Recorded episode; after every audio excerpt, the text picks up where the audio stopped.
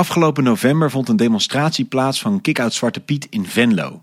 In reactie op de keuze om in Venlo een zogenaamde grijze Piet te laten meelopen in de intocht van Sinterklaas. Tientallen actievoerders van Kick-Out Zwarte Piet verzamelden zich in Venlo en ook enkele honderden tegendemonstranten.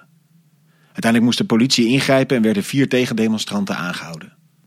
Journalist Reinoud Zorgen van het online platform Nieuw Nieuws was aanwezig bij de demonstratie en hij interviewde onder andere enkele tegendemonstranten. Nee, van het noorden, van jullie van Amsterdam. Amsterdam, we zijn niet van. Ga maar weg, dit is Limburg. Dus hier is het uh, voor jullie verboden gebied. Oh, Wij moeten jullie niet. Wij, wij houden alleen van onze eigen Limburgse mentaliteit. Brabant misschien. En voor de rest kunnen jullie opzouten, allemaal. Dat komt door jullie. Oké. GroenLinks. Daar komt het allemaal door. oké. Nou, ik ben hier nog nooit geweest, maar. eh, Ja, maar dit, dit is de eerste en de laatste keer voor jou. Je moet nu gaan. Ga maar gewoon naar mama naar huis. Oké, nou, bedankt in ieder geval. Vandaag hebben we het in Bram over Randstad en regio.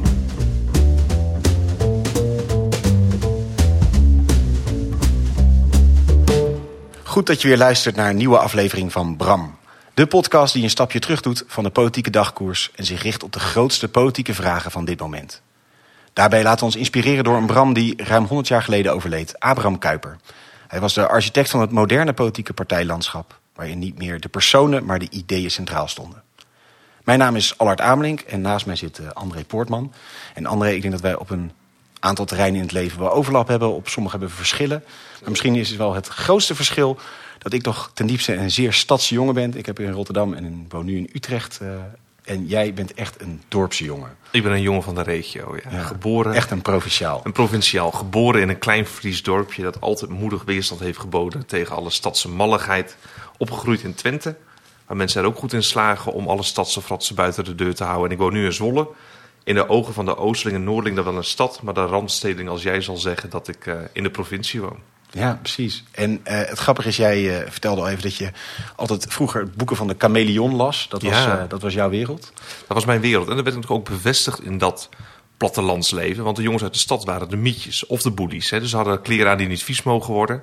En de jongens van het platteland waren stoer. Die, die durfden het leven wel aan, zeg maar. Dus ik voelde me daar wel comfortabel bij, moet ik zeggen. Ja, en ik las juist Pietje Bel en Kruimeltje. Dat waren juist de stoere stadse jongens die streetwise waren en ook hun kleren vies moesten maken.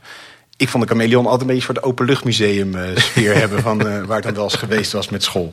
Dus dat, eh, het is grappig dat dat een groot contrast Over is. beeldvorming gesproken. Ja, In, in beeldvorming en misschien ook wel in reële zaken. Want het is misschien meer dan alleen cultuur. Daar gaan we het vandaag over hebben met een, een echte Amsterdammer. Hebben we net al even gehoord eh, in het voorgesprek. Floor Milikowski, journalist voor onder meer de Groene Amsterdammer. En schrijver van Van Wie is de Stad over de stad Amsterdam. En vorig jaar verscheen van haar een klein land met verre uithoeken. Over ongelijke kansen in een veranderend Nederland. Welkom Floor. Dankjewel. Leuk dat je bent. Mooi dat we bij jou ook te gast zijn. En misschien kun je even heel kort vertellen waar we ongeveer zitten in eh, Amsterdam. Dan horen mensen ook een beetje de Ja, achtergrondgeluiden erbij. precies. Nou, we zitten in de Watergraafsmeer en aan, aan de oostkant van Amsterdam. En, eh, ja, ooit gebouwd als een soort tuindorp in de jaren 30. En de buurt ook waar ik ben opgegroeid, geboren ben ook. Waar ik een tijd weg ben geweest tijdens mijn studie. Dus heb ik in Oud-West gewoond. Maar sinds de kinderen groter dan één zijn, dan zijn we hier weer terug. En het is eigenlijk een beetje een dorp in de stad. Ik bedoel, je, je, binnen tien minuten zit je midden in het centrum. Maar het is hier een hele ja, dorpssfeer. Iedereen kent elkaar. De kinderen kunnen makkelijk buiten spelen. Die kunnen overal naartoe zelf. Dus zelfs eh, groen.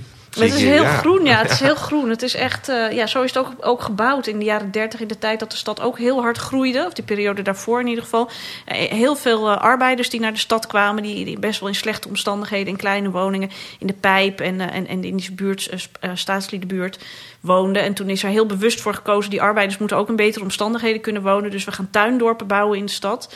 En daar is de Watergraafsmeer er één van. En dat, eh, ja, dat is een hele goede zet geweest. Want je ziet dat nu ook in die tijd dat veel gezinnen in de stad blijven wonen. Of in ieder geval de afgelopen decennia. Dat die heel bewust ook vaak kiezen voor dit soort plekken. Ja, dus inderdaad een beetje een dorp in de stad, zeg je inderdaad.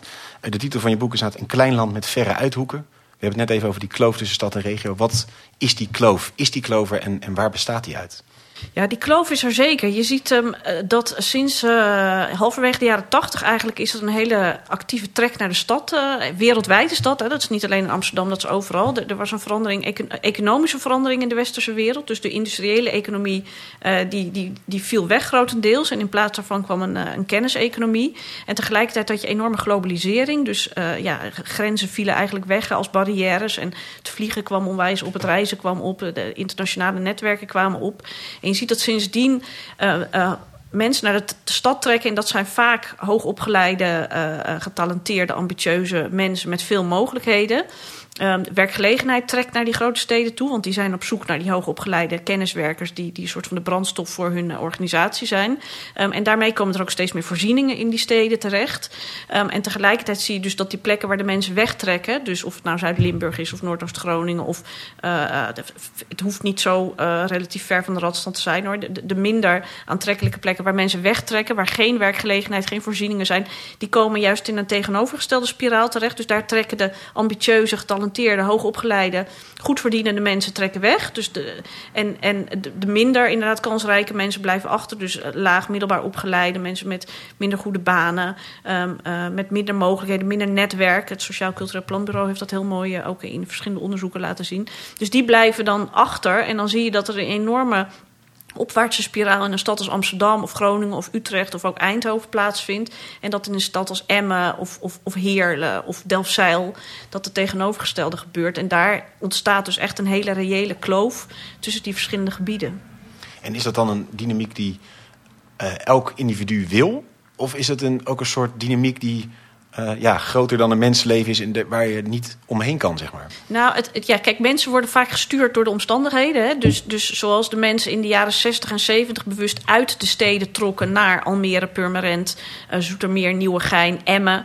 Uh, Delfzijl ook. Hè. Dus er was destijds een heel bewuste trek uit de stad, omdat de steden vies en vervallen waren en die, die fabrieken sloten in die steden. En je zag dat in andere delen van het land werd vanuit het Rijk heel bewust economische ontwikkeling gestimuleerd. Hè. In, in, delen van Groningen, in juist het zuidoosten van, van Drenthe, um, in Zuid-Limburg op een gegeven moment natuurlijk ook. Dus eerst de, de, de trek uit de stad, de suburbanisatie, was een bewuste keuze van heel veel mensen ingegeven door omstandigheden. Ook ja, hun omdat, werk achterna, zeg maar. ja, en, en tegelijkertijd ook de stad uit. Omdat inderdaad Almere, Zoetermeer, Purmerend, dat soort plekken ineens... daar werden allemaal nieuwe eengezinswoningen gebouwd. Want mensen hadden ineens een auto en meer vrije tijd en meer geld. Dus ze konden het zich permitteren om verder van hun werk te wonen. Dus ze hoefden niet meer onder de rook van de fabriek te wonen.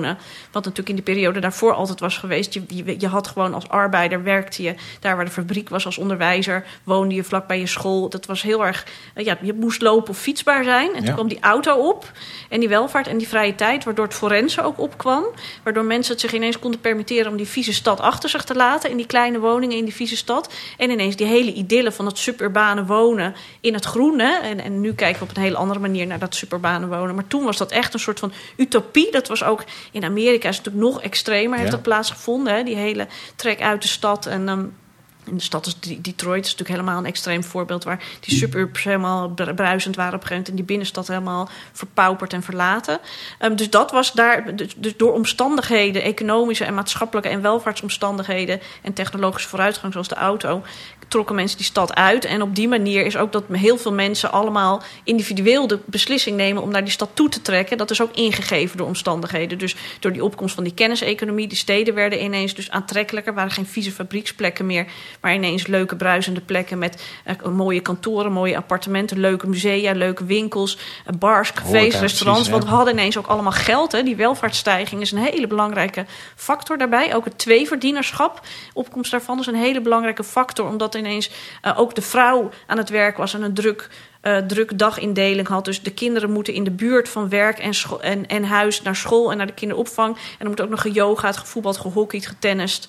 Uh, en weet ik veel, piano gespeeld en, en allemaal dat soort dingen gebeuren. Dus alles moet uh, dicht bij elkaar. Want die ja. twee verdieners hebben allemaal een druk bestaan. Het moet allemaal passen in die dagindeling.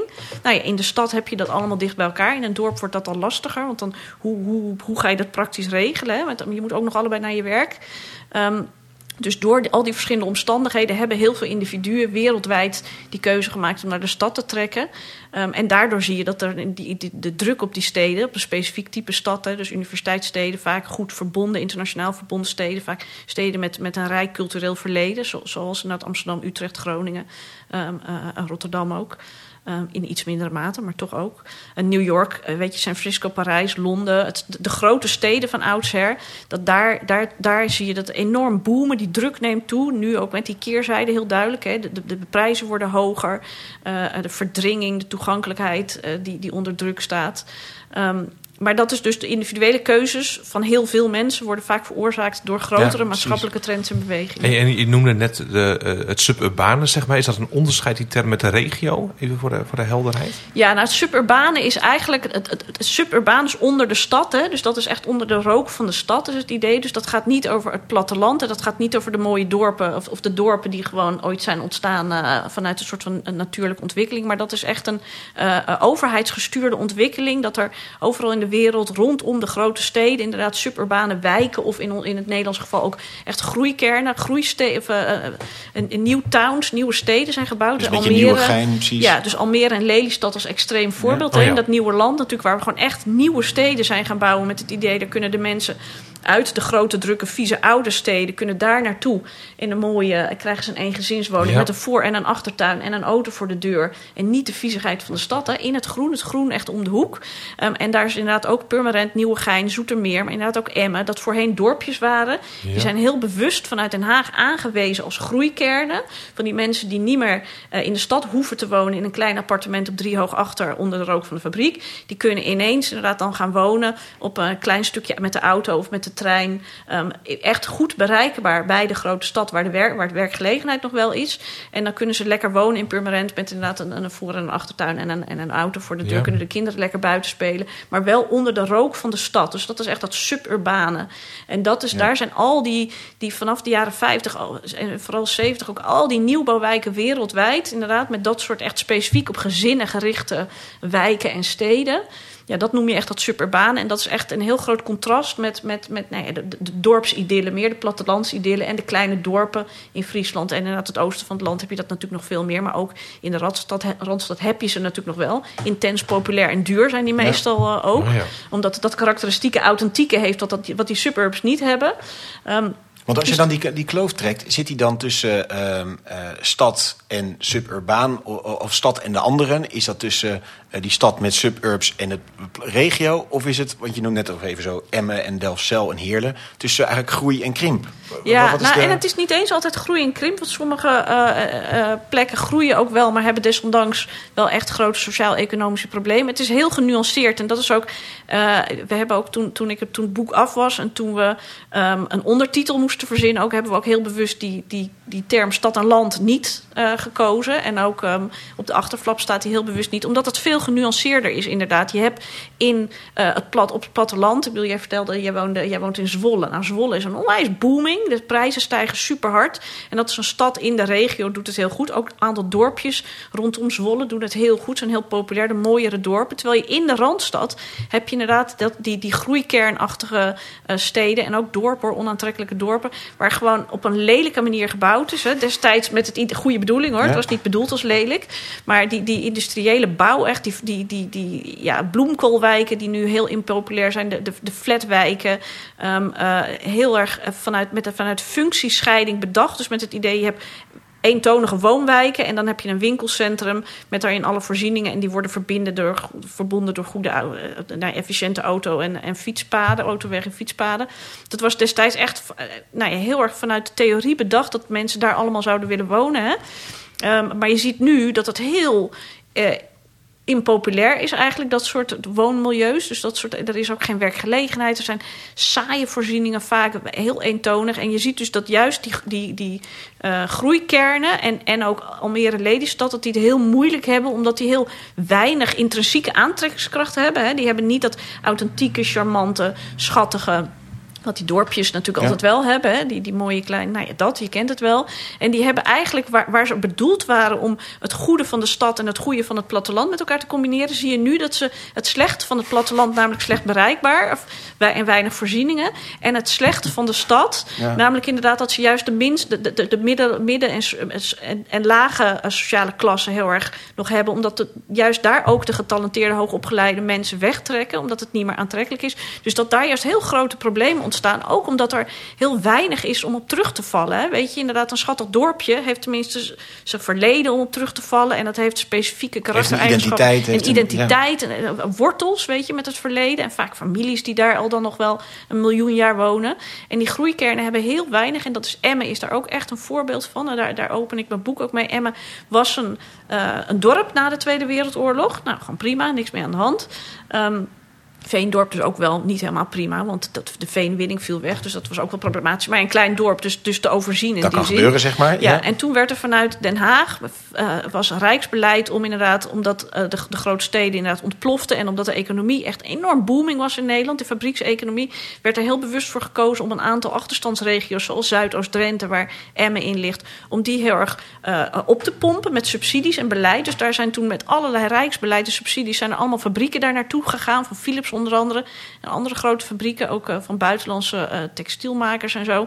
En er zijn heel veel mensen gestimuleerd om daar na- naartoe te verhuizen ook. Hè, want daar werd helemaal mooie nieuwe eh superbane stad. Was echt, het, het woonerf is daar voor het eerst, het Oh, allereerste dat heeft daar zijn- woonerf van Nederland. gezien, ja. Ligt daar. Dat was echt een enorm masterplan. Je over- noemde in je boek een, een cijfer van dat een heel groot deel van Nederland woont op woonerf. Ik ben even het percentage ja, kwijt. ik ben ook het percentage kwijt, maar het zijn er heel veel. Maar meer dan 50% geloof ik. Nee, iets rond de Oh, dan heb ik het in mijn hoofd wel erg ja, opgelaten. nou, maar, ja, maar het is echt een enorm veel. aantal, ja. Heel Dat veel. En ja. dat was echt, het, het idee was zo mooi. Je woonde in een stad met dus voorzieningen in de buurt.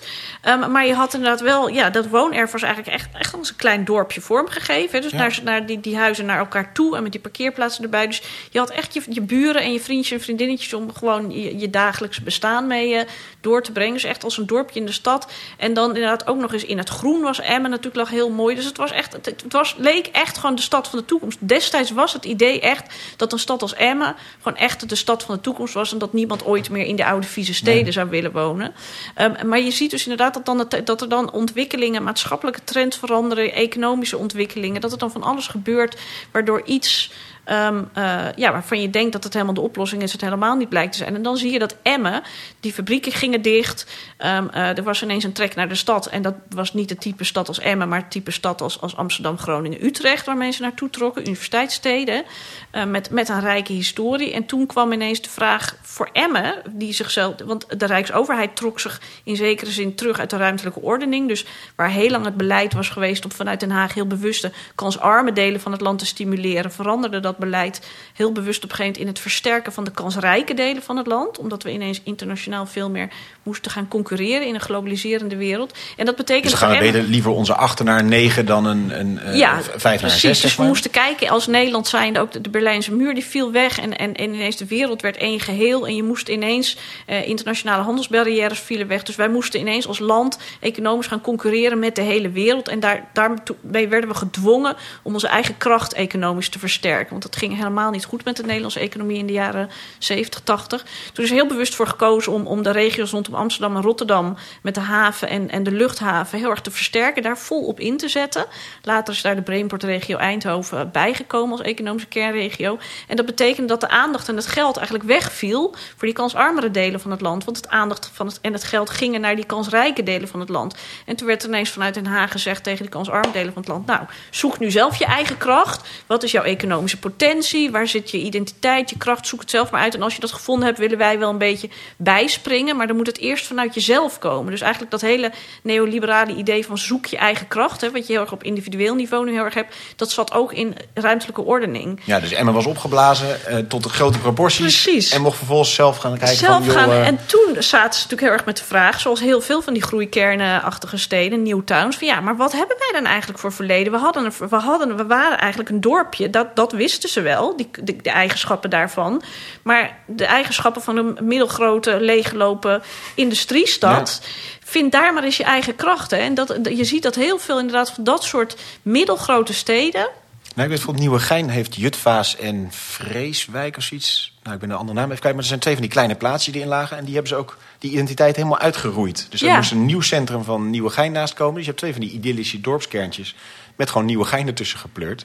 Eh, met inderdaad echt ook het idee van nieuwe identiteit erin geknikkerd. Ja, Maar goed, ik kan best en dat was heel erg, die maakbaarheidsgedachte was toen heel sterk. Dat we echt het idee hadden van je kon gewoon, ja, de wereld, je kon het gewoon maken. Alles was maakbaar. En als je inderdaad dus besloot, de nieuwe identiteit van Nieuwegein is dus inderdaad dat. Dan dachten we echt gewoon, nou dan is dat dus zo super mooi. Je kan je nieuw eigen toekomst vormgeven. En later zijn we erachter gekomen dat het zo simpel helemaal niet is. Want dat je inderdaad een flat in Nieuwegein, dat dat heel karakterloos en identiteitsloos is. En het is dus ook niet zo dat door de strategie van de overheid te zeggen we gaan investeren in Amsterdam en Rotterdam, dat de economie van Nederland sterker wordt. Dat daar dus die regio's van mee gingen profiteren. Nee, en dat is natuurlijk wel het idee geweest. En ik heb nog wel, ook later nog wel gevraagd aan mensen die destijds betrokken zijn geweest met die hele ideevorming destijds. Van we zetten alles in op eh, die economische kernregio's. Het idee was natuurlijk echt dat Nederland daarvan zou profiteren. Dat, dat die welvaart die gecreëerd zou worden in die economische kernregio's, dat de rest van het land daar ook heel erg van zou profiteren. En ik heb wel eens gevraagd, zijn jullie daar nou bewust van geweest dat dat niet zo zou werken? Maar er zijn natuurlijk zoveel andere type ontwikkelingen hebben er plaatsgevonden. Zoals überhaupt door inderdaad allerlei eh, eh, verdwijnen van handelsbarrières. Dat hele, opkomst van het neoliberale beleid natuurlijk. En waardoor inderdaad sowieso be- bedrijven steeds meer zijn gaan profiteren en inkomens gestagneerd zijn. Maar ook ehm, eh, gebrek aan inderdaad goede verbindingen en netwerken tussen verschillende delen van het land. Ehm, dus je ziet dat er heel veel factoren vinden er dan plaats, ontwikkelingen vinden er dan in de loop van zo'n van de decennia plaats, waardoor het idee van inderdaad als de wel het geld dat verdiend wordt op de Zuidas, dat komt vanzelf wel in Delfzijl terecht. Dat blijkt gewoon helemaal niet het geval te zijn. Integendeel, dat blijft steeds meer hangen inderdaad op de plek waar het verdiend wordt. En daarom zie je nu natuurlijk heel nadrukkelijk die hele discussie over dat neoliberale verhaal komt in ieder geval in zekere zin echt wel ten einde. Omdat je ziet dat het dusdanige, dat de winsten die behaald worden, die, die komen te veel, steeds meer op, op één specifieke plek terecht. En eh, de, de, de keerzijde, dus de problemen, de, de enorme kloof die ontstaat tussen kansarme en kansrijke groepen. En eh, de onoplosbaarheid daarvan wordt zo groot dat je gewoon een ander, ja, je een ander verhaal moeten gaan vinden waarin je inderdaad en economische groei natuurlijk wel degelijk ook nog eh, mogelijk maakt of stimuleert, maar toch waardoor je een soort van eh, ja, beter gedeeld welvaartspatroon hebt. Een heel eh, stuk genuanceerder verhaal naar dan even stad versus regio. Dat is heel duidelijk, denk ik. Met die suburbs erbij. En nou goed, ook dat het op zoveel manieren samenhangt met andere thema's die misschien in de planmatiging nog niet allemaal te voorzien waren. Ehm, als we naar vandaag de dag kijken, dan is denk ik in de beleving is het wel vrij zwart-wit. Eh daar hebben even een kort fragment bij van Promenade, het programma van de, van de NPO. Ehm, waarin op een eh, satirische manier wordt ingespeeld op eh, eh, stad en regio. Omdat er namelijk voor de eindejaarspromenade zowel een versie voor de stad als voor de regio was gemaakt. Dankjewel. Dag. Mijn naam is Diederik Ebbingen en we gaan het net even anders doen dan u van ons gewend bent. Hi, Cornhoofd. Oudejaarspromenade voor een heel groot publiek. Niet één avond, maar twee avonden. 27 december zijn we er voor de mensen uit de Randstad en de hoogopgeleiden. Wat tijd? Maar maakt u zich geen zorgen. 28 december zijn we er voor de mensen uit de provincie en de wat lager opgeleiden. Live hier vanaf de Grachtengordel. Oudejaarspromenade. Mijn naam, Diederik Ebbingen. Hey, Janine Albring. Janine Albring. Ja, dit is natuurlijk een beetje het karikatuur erbij, maar eh, die kloof wordt even flink aangezet. Stad, hoogopgeleide, regio, laagopgeleide. Als je kijkt naar die culturele kloof, is dat een één op één gevolg van die kloof die er is, die je net beschreven in economische opzichten en kansengelijkheid? Of waar zie jij die kloof vandaan komen? Ehm, ja, het is, kijk, wat heel belangrijk is, is, is eh, dat een stad als Amsterdam steeds meer verbonden is geraakt met de rest van de wereld. Hè. Dat er een soort van dat netwerk van global cities, waar Saskia Sassen al in de, in, de jaren negentig een heel mooi boek over heeft geschreven. Je ziet dat, dat er inderdaad een heel sterke netwerken zijn ontstaan van, van steden als Amsterdam, eh, Parijs, inderdaad, Singapore, Shanghai, Toronto, Vancouver. Dus de steden waar inderdaad al die hoogopgeleide en die bedrijven, niet alle hoor, want het is inderdaad heel gechargeerd, zoals Ebbing, die, die chargeert natuurlijk heel bewust. En dat is natuurlijk, het is natuurlijk inderdaad niet zo zwart-wit, maar je ziet wel relatief veel inderdaad hoogopgeleide, eh goed verdienende mensen wonen in die steden die heel nauw met elkaar verbonden zijn. Dus ik beschrijf ook op een gegeven moment dat er, ik geloof, per dag 60 vluchten vanuit Schiphol, vanaf Schiphol naar Londen gaan. En dat, die reis tussen Amsterdam en Londen is twee keer zo uh, kort als de reis van Amsterdam naar Emmen. En die trein naar Emmen gaat ook veel minder vaak. Hè. Dus Amsterdam is veel sterker verbonden. Uh, niet alleen fysiek, maar dus ook cultureel op een gegeven moment met, met Londen dan met Emmen. Um, en het, zijn, het is echt een soort van losgezongen netwerk aan het worden. En ook dat hele, hele opkomst van die roep af en toe, ja, Republiek Amsterdam. En Kajsa Ollongren, toen ze hier nog wethouder was, die op een gegeven moment ook roep, riep inderdaad van nee, eh, dan roepen we hier gewoon de republiek uit als ik weet niet eens meer wat er, wat er was. Iets, ja, zoiets ja. geloof ik, ja. En dat, dat, dat, dat krijg je heel sterk naarmate natuurlijk de verschillen, de, gewoon de, de culturele verschillen, omdat inderdaad, je, je ziet gewoon dat, dat, dat de hoogopgeleide internationale geglobaliseerde populatie, die leeft heel erg in een wereld, inderdaad, cosmopolitisch wereldbeeld, waarin alles kan en de wereld ligt aan je voeten. En je hebt stage gelopen in Barcelona en toen heb je een klus gedaan in Singapore en toen ben je bij een bank op de Zuidas gaan werken, hè, bij wijze van. En je vrienden wonen overal verspreid over de wereld. En je kon er zonder problemen elke avond uit eten voor 100, 200 euro. Hè dat is een heel, dan is de wereld een prachtige plek op dit moment. Want dan zijn de, de, mogelijkheden eindeloos. Weet je? Dan is het eigenlijk de hele wereld één groot pretpark waar je gewoon elke dag je dingetje mee kan doen. En dan is er een groep die niet in die grote steden vaak woont, maar die juist nog steeds. Uh, hij werkt in de bouw en zij is een paar dagen in de week uh, is of achter de kassa zit ze of in administratief werk, waar je gewoon twintig keer zo weinig, honderd keer zo weinig mee verdient. Dat is een alledaagse werkelijkheid die op geen enkele manier meer te rijmen valt met die alledaagse werkelijkheid van de mensen waar Diederik Ebbingen tussen woont, namelijk hier ook in de buurt. Um, en waar mensen het gewoon ontzettend vanzelfsprekend vinden dat ze één gaan wintersporten en dan gaan ze naar Ibiza. En dan gaan ze in de zomervakantie drie weken naar Bali met de kinderen. En dan gaan ze inderdaad naar de Wadden en dan uh, alles kan maar. En er horen ook allerlei politieke overtuigingen bij. Er horen politieke overtuigingen in die mondiale bij. wereld passen. omdat er dat in die mondiale wereld, die cosmopolitische wereld, die globaliserende wereld, heeft voor een specifieke groep hele mooie dingen gebracht. Dat is ook een gegeven, weet je. En die vindt dat heerlijk, weet je. De D66 en GroenLinks-stemmers als voorbeeld daarvan. Die, dat is natuurlijk, de wereld is een speeltuin geworden in die zin. En, en, en mooie huizen huizen kan je kopen. En de overheid bemoeit zich niet te veel met je. Dus er kan van alles en het is hartstikke leuk. Um, en, en die groep waar dat dus niet voor geldt, inderdaad, die zijn veel meer gebonden nog steeds aan hun. Er zijn ook hele mooie onderzoeken gedaan dat opleidingsniveau heel erg uh, invloed heeft op je actieradius. Dus hoe lager, lager opleidingsniveau betekent vaak ook dat je veel meer gebonden bent aan je directe leefomgeving.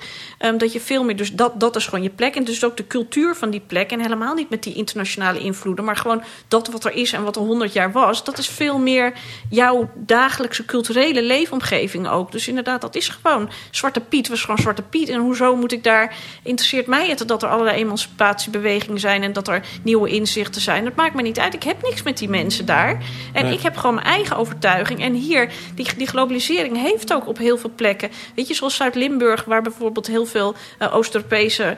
Um, uh, arbeidsmigranten naartoe komen en daar heel veel werk gaan doen, dan kan je wel inderdaad zeggen: het is heel uh, racistisch dat ze zeggen de buitenlanders nemen mijn banen in. Maar feitelijk is het natuurlijk wel zo ja. uh, dat inderdaad. omdat en als je Oost... bij Booking.com werkt, is dat misschien ook zo, maar dan is het een leuke Argentijn die hier komt immigreren. Precies. En hier is het heel nou ja, ja evident, en, en, daar is het, en hier heb je dan nog wel andere. Ja, is er zoveel werk dat, het ook, dat er ook dan nog wel in de regio zeker is natuurlijk zoveel werk dat er dan vaak nog wel voor iedereen wat, wat te doen is. Maar inderdaad, als je in Zuid-Limburg en, en, en ineens, jij deed altijd. Um, uh, hoe heet het, die asperges steken. En ineens komen er allemaal Oost-Europese arbeidsmigranten die bereid zijn om veel harder te werken voor veel minder geld. Ja. Wat natuurlijk het verhaal van de migrant is. Die wil er inkomen, want die, die is bereid veel harder te werken voor veel minder geld. Dus dat is een hele bewuste keuze die we hebben gemaakt. Ook daar valt natuurlijk heel veel voor te zeggen. Dat meer mensen dus mogelijkheden. Maar dat betekent wel feitelijk inderdaad dat die mensen die gewend waren om voor iets minder hard werken, iets meer geld te werken, zeg maar, dat die dus inderdaad verdrongen worden en daarmee geconfronteerd worden en dus inderdaad helemaal niet zulke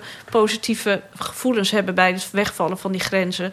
Want die hebben helemaal niet zoveel mogelijkheden al in die regio waar ze zijn en er is al minder werkgelegenheid en daar wordt al niet naar omgekeken vanuit Den Haag en daar wordt al veel minder geïnvesteerd en daar komt al veel minder vooruitgang en emancipatie en ontwikkeling en dat soort dingen. Dus het, is, het zijn zulke totaal andere werelden geworden en dat is deels door ontwikkeling, gewoon maatschappelijk maatschappelijke en economische ontwikkelingen die niet beleidsmatig zijn geweest, maar die zijn versterkt. Die kloof daarmee, cultureel ook, is echt versterkt, omdat het Rijksbeleid zich zo nadrukkelijk gericht heeft op het stimuleren van die kansrijke van die, delen. Die, die, precies, die delen die toch al in beweging ja, waren. en die plekken die, dus achterblijven, ja. waar dus die boze mensen vaak zitten, hè, die PVV of Forum voor Democratie ook nog wel SP stemmen, die gewoon boos zijn op de establishment, boos op 30 jaar beleid dat, waar zij niet van hebben geprofiteerd of, of, of beperkt van hebben geprofiteerd. Ja, en dat is echt, dat beleid speelt daar echt een rol. En je ziet, vind ik nu heel mooi in de aanloop naar, naar de komende verkiezingen, dat alle partijen, of bijna alle partijen, toch die regio, het belang van die regio, de waarde van die regio, dat die dat eh, erkennen. En dat ze erkennen dat er inderdaad een problematische kloof aan het ontstaan is tussen die verschillende plekken. En dat er gewoon te, te weinig is omgekeken naar heel veel delen van het land. En dat daardoor allerlei ontwikkelingen die wel degelijk mogelijk waren geweest, niet hebben plaatsgevonden. En wat me ook echt verbaasde toen ik jouw boek las, vond ik een mooie eye-opener. En volgens mij spreekt die verbazing ook een beetje door in je titel. hè. Een klein land met verre uithoeken. Hoe kan dat het eigenlijk in zo'n klein gebied als Nederland die kloof zo groot kan worden? Dat Ja. heeft me echt verbaasd. Nou, dat, ik denk dat dat ook. Ik vond, ik vond echt. Weet je, ik, ik ben journalist en dan denk ik, nou ja, je, weet sommige dingen, je weet sommige dingen niet. Hè? En, en, en je hebt natuurlijk de plicht om je te verdiepen in de dingen, maar specifiek in een onderwerp. Maar ik dacht altijd, in al mijn naïviteit, dat mensen die erover gaan, namelijk die in de Tweede Kamer zitten of die zelfs minister of staatssecretaris zijn, dat die heel goed weten wat er speelt in zo'n land. En dat ik nou in Amsterdam ben opgegroeid en dus een beetje Amsterdam-centrisch ben, zeg maar. Ja. Swalla. Maar dat als je in Den Haag werkt als minister voor het hele land, dat je dan niet weet wat er speelt in Zuid-Limburg of in Noordoost-Groningen of in Emmen. Dat vond ik echt schrijnend. Ja. Dat vond ik echt. eh, weet je dat inderdaad ook een, eh, een wethouder in eh, Pieter Mekels in, in Sittard Geleen van, van de lokale partij daar, dat hij inderdaad op een gegeven moment over de hele kwestie dat daar dus. ehm, de, de- het bestaan van die grens om die, om die provincie heen, dat dat hele praktische bezwaren eh, oplevert of, of obstakels oplevert bij, de- bij de economische ontwikkeling. Waar, zij kunnen niet profiteren van de aanwezigheid van de Universiteit Aken, weet ik veel, 20, 30 kilometer verderop, of van Luik of van andere grote steden die daar in de buurt liggen, waar je, als die grens er niet zou liggen, zou dat enorme economische dynamiek in Zuid-Limburg opleveren. Maar omdat die grens er ligt, en dat is allemaal praktische bezwaren met, met arbeidsmigranten. Ehm, met, met, met inderdaad eh, verzekeringen, pensioenen, eh, nou allemaal dat AOW, dat soort dingen. Daardoor komt dat niet op gang. En dat, dat daar, daar was een eh, uitgebreid rapport over geschreven. ehm, door Hermans, geloof ik, Loek Hermans, geloof ik. Over wat inderdaad het wegvallen of- of het wegnemen van die grensbarrière, wat dat zou opleveren voor Zuid-Limburg. En dat inderdaad, hij zei, nou ja, dat rapport ligt nu al een aantal jaren in een la. En ik heb ook niet meer de illusie dat daar ooit iets mee gaat Nee. geboren, gebeuren. Dat vond ik zo shocking. Dat er Ja. inderdaad dus inzichten zijn over hoe je een regio kan laten floreren. Met gewoon beleid. En dat daar vanuit Den Haag dan niks mee gebeurt. Dat vind ik echt, dat voelt ik echt een. eh, Ja, en dan snap je wel net als dat het beeld net van Den Haag, zij in Den Haag, dat dat dan best wel eigenlijk logisch ja, dat is- sentiment is vanuit Ja. dat opzicht. Ik wil nog even in cultureel opzicht, eh, André, we hadden het net natuurlijk even over, ja, zij zelf stadse fratsen inderdaad. Wat kun je daar zelf van herinneren? Wat, of wat zie je vandaag de dag nog wel eens over kritiek op stadse fratsen? Of, of aan wat voor dingen moet jij dan denken? Ja, dat ligt vaak heel subtiel. Dus het feit, ik ben als familie bij me komt in Zwolle, dat is dan eh, nog een provinciestad, maar, maar toch al wel een stadse cultuur. Dat bijvoorbeeld de diversiteit meteen opvalt. En dat is mij ook. Ik ben toevallig opgegroeid in een beetje een wijk in, in Rijssen, de plaats in Twente, waar heel veel eh, immigranten woonden. Eh, dus dat was voor mij altijd al wel een beetje kennismaking met de diversiteit. Maar ik merk vooral dat familie die uit de regio komt en in een stad komt, dat het eerste wat ze opvalt is diversiteit. Dat het leven en laten leven. En dan ook de conclusie, ja, dit zou in een dorp niet kunnen. Dus eh, als je met een, met een gekke kleur pet oploopt van, hoezo zegt niemand hier daar iets van? Dat zijn subtiele dingen. Maar in de cultuur is dat meteen, eh, is dat meteen te merken. En inderdaad, met Zwarte Piet is natuurlijk een heel pregnant voorbeeld van... dat lijkt echt een Amsterdamse discussie. Black Lives Matter, dat lijkt een discussie voor de Randstad. Dat, dat gaat aan ons voorbij.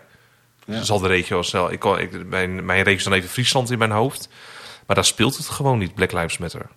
Nee, wordt gewoon niet bedacht. Zeg maar. Wordt gewoon niet bedacht. Nee, maar ook omdat je niet geconfronteerd wordt met die diversiteit. Dus je ziet niet mensen Je die lijden aan vindt, zeg maar. stereotypes. Nee. Of, eh, nee, precies. Nee, precies. We hebben nu denk ik al even een beetje een doorkijkje richting oplossingen gehoord. Eh, eerst doen we nog even een klein stapje terug ehm, in een eh, terugblik in de geschiedenis met de column van professor Dr. George Haring. Mijn voorgeslacht van vaderszijde komt uit Zeeland. Luctor et emergo. Eeuwenlang hebben ze geleefd in Goes en omgeving op Zuid-Beveland.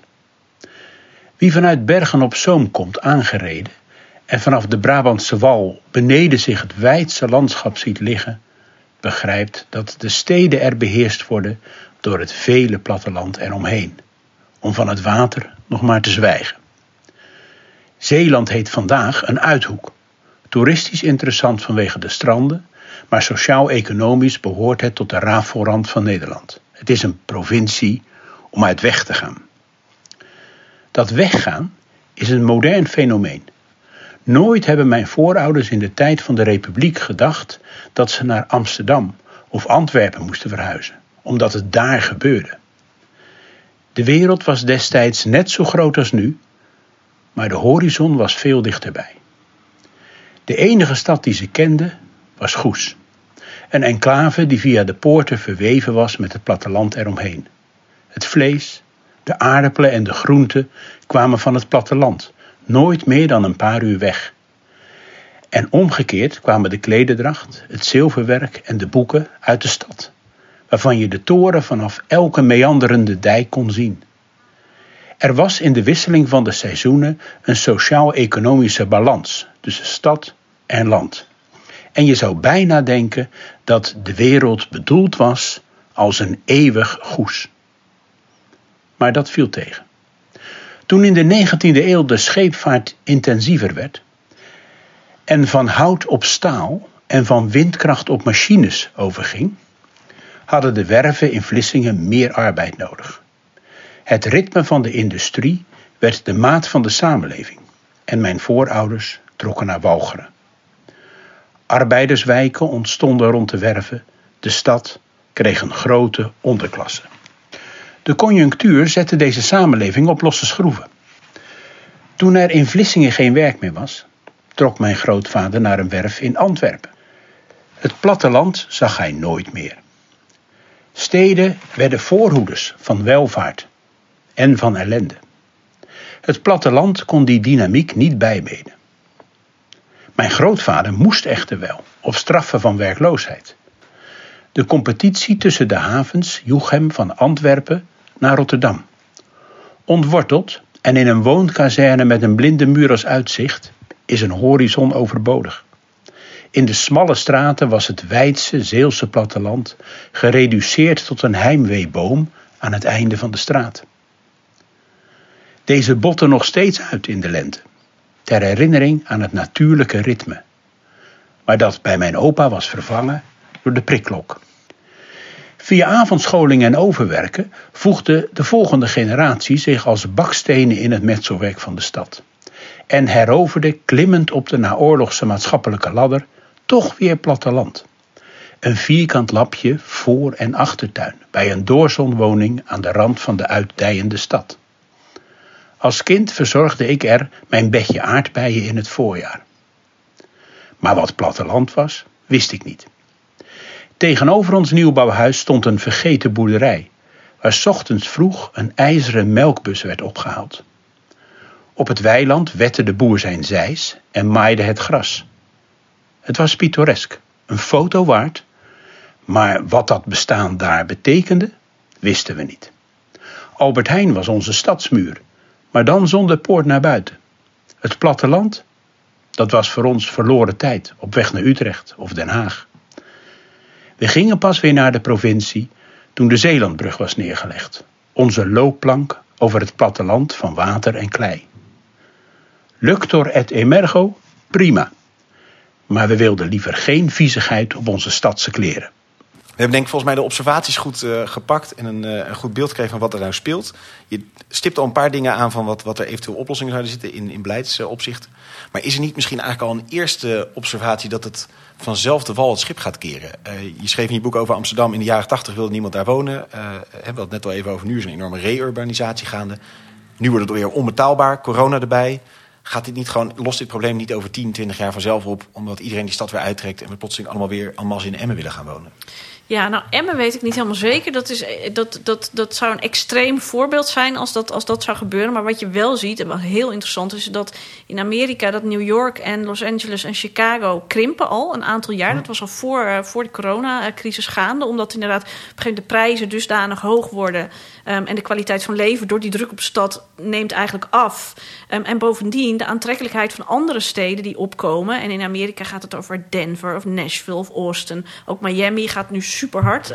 En, en ook een, je ziet daar heel interessant nu, juist met corona, dat er verhuisbewegingen heel hard uit die grote steden gaan. En naar het type grote stad wat wij in Nederland niet hebben. Namelijk inderdaad van gewoon een aantal miljoen. En dan toch nog betaalbaar relatief. Ja, Kijk, dat is natuurlijk een grote stad van een paar miljoen. Ja, precies. Ja, ja. Maar je ziet daar een heel best wel harde trek. Inderdaad, ook bedrijven en kantoren van grote bedrijven. die trekken nu die grote steden uit. Omdat zij ook weten dat de jonge getalenteerde werknemers van de toekomst. Hè, die kunnen Manhattan gewoon niet meer betalen. Of San Francisco kunnen ze niet meer betalen. De betere buurt van Chicago kunnen ze gewoon niet meer betalen. Dus die weten als wij de jonge getalenteerde werknemers van de toekomst willen hebben. moeten wij naar steden toe. waar dus die mensen nu wel naartoe trekken. En bovendien, in die steden, in Austin. maar dat geldt in Nederland ook voor Zwolle of Deventer of Zutphen. heb je inmiddels ook die hele lifestyle waar die, een nieuwe, die moderne stedeling graag naartoe trekt. En met lekker cappuccino, cocktails, leuk theater, uh, een beetje gelijkgestemde. Uh, koffie drinken in de zandbak met. met, met, met um, uh, dus dat waar die mevrouw in Limburg. Precies, de bakfietsouders. dat waar die mevrouw in Limburg in het fragment helemaal aan het begin ontzettend tegen ageerde. Hè, waar ze een bloedhekel duidelijk aan had. Dat type moderne stedeling trekt tegenwoordig niet meer alleen naar Amsterdam of naar Rotterdam of naar Utrecht. Maar die vindt dat ook al in kleinere, middelgrote steden. Waar de afgelopen decennia onwijs is geïnvesteerd. Ook in voorzieningen en aan nieuw type woningaanbod. Um, aan, aan, aan een, nou ja, een levenssfeer en cultuur die, die dat soort mensen trekt. Dus je ziet nu in die coronacrisis, maar ook, dat zag je ook al voor die corona, zag je dat de trek van gezinnen uit Amsterdam Um, uh, en ook uit andere grote steden al steeds harder ging. Omdat inderdaad, ja, die woningprijzen, als, naarmate die blijven stijgen, is het logisch. De lonen stijgen niet zo hard mee van de meeste nee. mensen. Dus is het logisch dat er een steeds grotere groep is die dat niet meer kan betalen. In Amsterdam, maar ook Utrecht, inderdaad, wordt dat heel erg opgevangen. Dus die groei wordt al jaren alleen nog maar veroorzaakt door de uh, komst van arbeidsmigranten en buitenlandse studenten. En dat gaat dan in het geval van Amsterdam uh, heel veel over hoogopgeleide kenniswerkers, hè, de expats. En dus ook inderdaad die internationale studenten. Maar het, het aantal Nederlanders in Amsterdam krimpt al tijden. En je ziet nu dit jaar, nu dus door corona die expats niet meer kwamen of weggingen en die studenten niet meer kwamen. Dat ineens in plaats van 10, 11.000 inwoners groei, was er maar 300 inwoners groei, geloof ik. En dat zou best wel een voorbode kunnen zijn. Ook als je kijkt naar inderdaad die Amerikaanse situatie, ook in Parijs. Dat mensen ineens allemaal naar Bordeaux trekken. Omdat daar ineens, daar heb je ook een mooie stad. is helemaal, uh, ook helemaal getransformeerd van een industriestad naar moderne uh, diensten, kennisstad. Um, dus, dus die trek uit de stad zie je wel degelijk. En ik vind dat ook als je kijkt nu wat voor appartementen er in Amsterdam gebouwd worden. Dat, dat je inderdaad voor 30 vierkante meter 4, 5 ton, uh, nou ja, dat is me heel extreem misschien, maar dat 7, 8, 9000 euro per vierkante meter in Amsterdam echt gewoon ja. is bij nieuwbouw. Ja, dan is, er, dan is het logisch dat er een groeiende groep is die dat niet kan of wil betalen. En dat die andere plekken in het land gaan verkennen. En dan krijg je inderdaad, het hoeft maar om een paar procent te gaan om de druk op Amsterdam iets te verlichten. En om inderdaad in de regio. Uh, juist inderdaad iets van nieuwe vitaliteit uh, te meer te creëren. Dus ik vind het een heel interessante ontwikkeling. Waarvan de, de vraag is, wat gaat daar na corona gebeuren? Maar ja. dat thuiswerken ook helpt er natuurlijk ook bij. Ik denk wel dat we die extreme piek van die trek naar, die, naar, die naar, dat, naar dat selecte gezelschap aan steden... dat we dat misschien wel gehad hebben. Maar want ik vind het interessant wat je zegt, die, die trek naar buiten gaat... dan dus naar Zutphen, Deventer, nou, Utrecht mindere mate... maar uit Utrecht ook alweer men, mensen namelijk weer weg. En naar Zwolle. Dat is natuurlijk inderdaad wat je al eerder zei... die steden met wel een identiteit, met een kern, met een uh, je met dat gewoon die uh, ook hoogste, hoogkwaliteit steden eigenlijk in zekere zin. En daar zijn de Emmen en Heerlen zo hebben daar natuurlijk gaan daar slechte mate van kunnen profiteren. Wat zou er wel kunnen gebeuren om die steden te helpen? Want eigenlijk zit er een, een, de natuurlijke beweging, gaat het met, met Deventer en zo allemaal wel goed komen. Maar, of gaat het al goed? Maar wat is er nodig om wel die Emmens en Heerlens uh, van deze wereld te... Ja, beleid. Echt regionaal economisch beleid. Kijk, we hebben in de, in de vorige eeuw is er een soort van... werkten we als Nederland met, met grote nota's ruimtelijke ordening... waarin uh, precies inderdaad werd bedacht elk deel van het land... hoe het daarmee ging, wat voor fabrieken en werkgelegenheid en huizen er kwamen. En dan werd het vanuit Den Haag opgelegd en dan werd het geregeld. Die hele maakbaarheidsgedachte ook toen. Nou, dat heeft dus plekken als Emmen en, en, en, en, en, en Zoetermeer Nieuwegein ook opgeleverd. Dus dat was niet echt een doorslaand succes. Hè? Dus wat je nu veel meer moet gaan doen, is je moet... Er is overal in elke regio... Um, in Nederland is enorme economische dynamiek, innovatie. Daar broeit van alles. Er zijn ongekende mogelijkheden overal die de afgelopen jaren eigenlijk niet benut zijn. En je ziet ook dat dat hele idee van die teruggetrokken rijksoverheid, hè, die eigenlijk tegen al die regio's zei: uh, zoek het lekker zelf maar uit. Dat heeft eerst van best wel een lange periode van ja, een soort van wanhoop en, en enige apathie geleid. Van ze waren gewend dat er vanuit Den Haag bedacht wordt hoe het met ze moest. En daar waren ze zo op ingesteld dat het moeilijk was toen ze het zelf moesten gaan doen. En nu zie je dat dat overal echt wel heeft uitgewerkt tot enorme goede samenwerkingen tussen onderwijs, uh, gemeente, provincie, bedrijfsleven. Kun je daar een voorbeeld van geven van zo'n. Uh... Nou, je ziet in, in, in, in Emmen, waar ze heel bewust de specifieke economische niche zijn gaan, uh, zijn gaan verkennen. En je ziet in Zuid-Limburg, zie je dat er rondom Sittard Geleen, dat dat ook op de oude, waar de staatsmijnen weggevallen zijn, dat daar een nieuwe campus ontstaan met allerlei kennis en samenwerking en dynamiek en innovatie. Um, je ziet het uh, uh, in Noordoost-Groningen met die Eemshaven, hè, die ineens, ooit was dat bedoeld als, als zouthaven, eigenlijk een beetje, daar ontstaat nu ook allerlei nieuwe dynamiek. Het Noord, ik had laatst voor de Groene een stuk geschreven over bijvoorbeeld. Um, uh, over de regio ook. Maar dat je bijvoorbeeld in een stukje in het noordoosten van Friesland, uh, rondom Dokkum en dan helemaal naar de Waddenzee toe, dat ze daar hadden ook niet wisten wat ze moesten. Ook krimp, uh, verval, weet je, teloorgang. En daar hadden ze bedacht, we moeten een dienstencentrum worden. En toen hebben deskundigen gezegd, doe dat nou gewoon maar niet. Dat is niet echt de plek van een dienstencentrum. Maar toen zijn ze echt in samenwerking met deskundigen en met de gemeentes en de provincies gaan zoeken naar wat is dan wel je eigen specifieke regionale kwaliteit.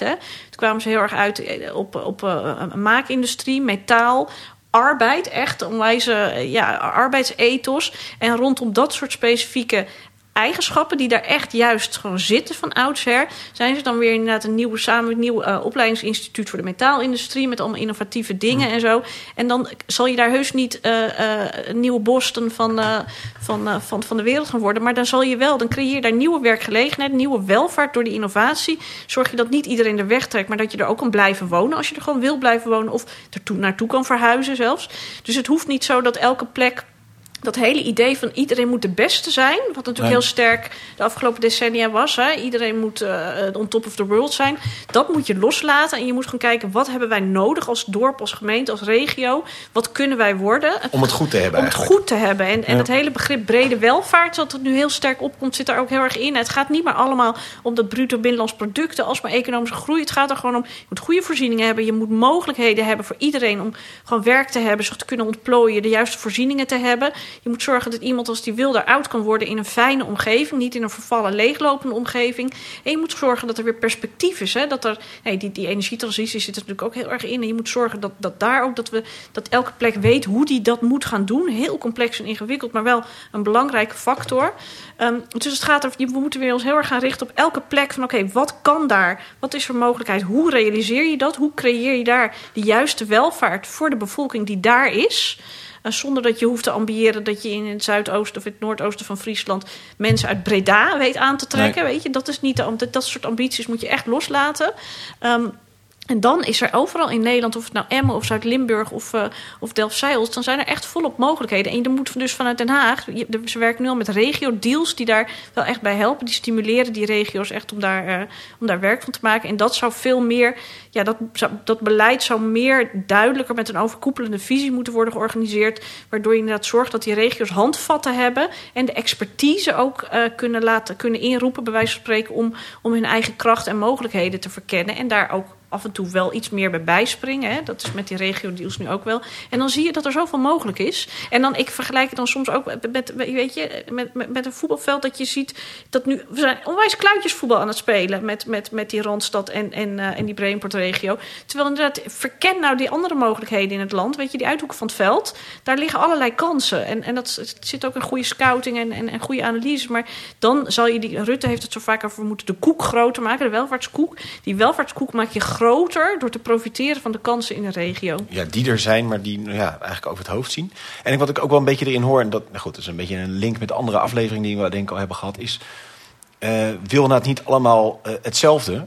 Want dat is denk ik een beetje misschien met uh, het gevaar voor een Delft Celsius. Die dan zeggen, ja, nou wat nou zou helpen is dat we een nieuw industrieterrein aanleggen. Want dan kunnen we misschien wel kijken of we een van de overslag ding kunnen doen voor Amazon of zo. Weet ik veel. Dus dat je dan iedereen ook achter dezelfde dingen aanjaagt. En je meer en meer. En dat is ergens met dat voorbeeld van die regio boven Dokken we. Je zegt, nou, we pakken onze niche. Weet je wel? En dat hoeft niet dat wij naar het nieuwe Boston worden, maar we kunnen gewoon zorgen dat wij het daar goed hebben. Ja, Ja, dus en Dus het mooie is is niet denk- helemaal op krimp inzetten, maar het is wel op een soort uh, Ja. realistische ambities. Het is wel een nieuwe manier van denken. En ook niet denken van top-down, van dit heeft een stad per definitie nodig. Maar dat het ook uit de samenleving laten komen. Hè. Niet iedereen zit op een goede cappuccino te wachten, kan ik me voorstellen. Nee, zeker niet. Nee, zeker niet. Nee, er dus zijn heel veel mensen heel tevreden met gewoon uh, Douwe Egberts uit, uh, uit het koffiezetapparaat. Precies, hè. dus die, die levensstijl hoef je ook niet overal uh, op te leggen. Dus sommige regio's hebben gewoon, kan ik me voorstellen, behoefte aan een, aan een andere cultuur, Ja, een andere manier ook, van. ja eh, en dat zit ook echt in herwaardering van de verschillen die we hebben in Nederland en die we in de wereld hebben. En, en dat we zijn zo geobsedeerd naar dat hele Friends en Sex in the City. En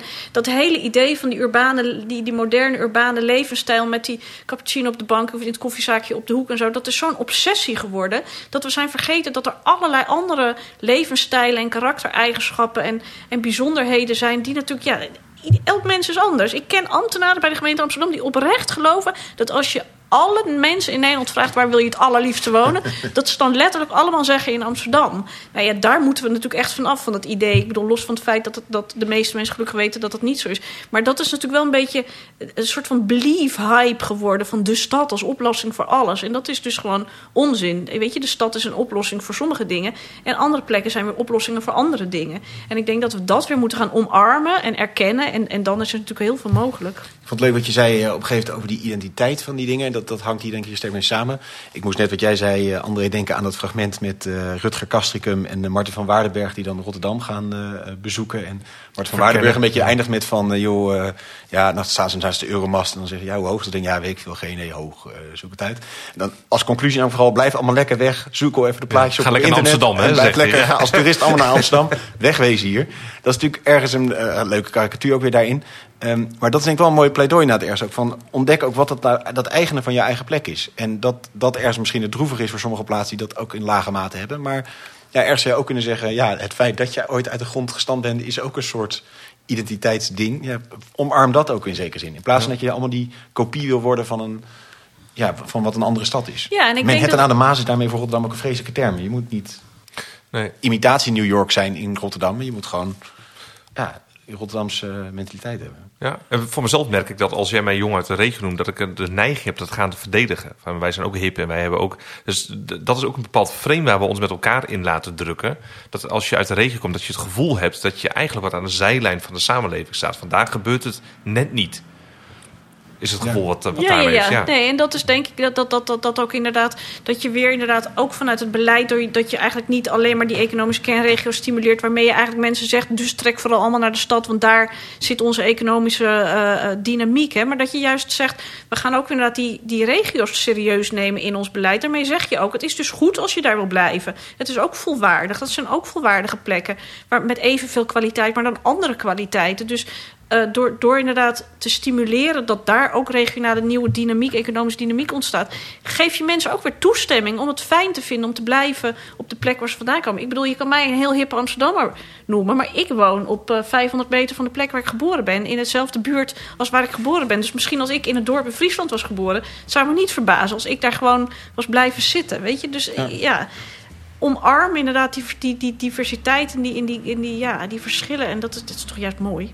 Je komt eigenlijk meer uit de regio dan André, dus is de conclusie. Ik ben nooit weggegaan, joh. Heel goed. Hey, dankjewel Floor, voor een mooi, verhaal, eh, mooi gesprek en mooi verhaal. Zeg. Graag en dan gedaan. misschien leuk, eh, je, je boek is nog gewoon te krijgen, want dat hebben wij met veel plezier gelezen. Ja, Dat ligt in de lokale ja, boekhandel. in neem ik alle boekhandels inderdaad. Een klein land met verre uithoeken en van wie is de stad. En eh, ja, ga het vooral lezen. Dankjewel. Leuk dat je luisterde naar deze aflevering van Bram. We zijn benieuwd, ervaar jij die kloof tussen stad en regio? En waar zie je die dan in terugkomen? En ben je dan iemand uit de stad of afficheer je jezelf met de regio? En gaat er inderdaad te veel aandacht en geld naar de grote steden? En wat zou volgens jou een manier zijn om die kloof te dichten? Laat het weten in onze Telegram groep. Je kunt je hiervoor aanmelden via www.cda.nl/wi. En vergeet je daarnaast natuurlijk niet te abonneren in de podcast-app om op de hoogte te blijven van nieuwe afleveringen. En kun je onze podcast waarderen?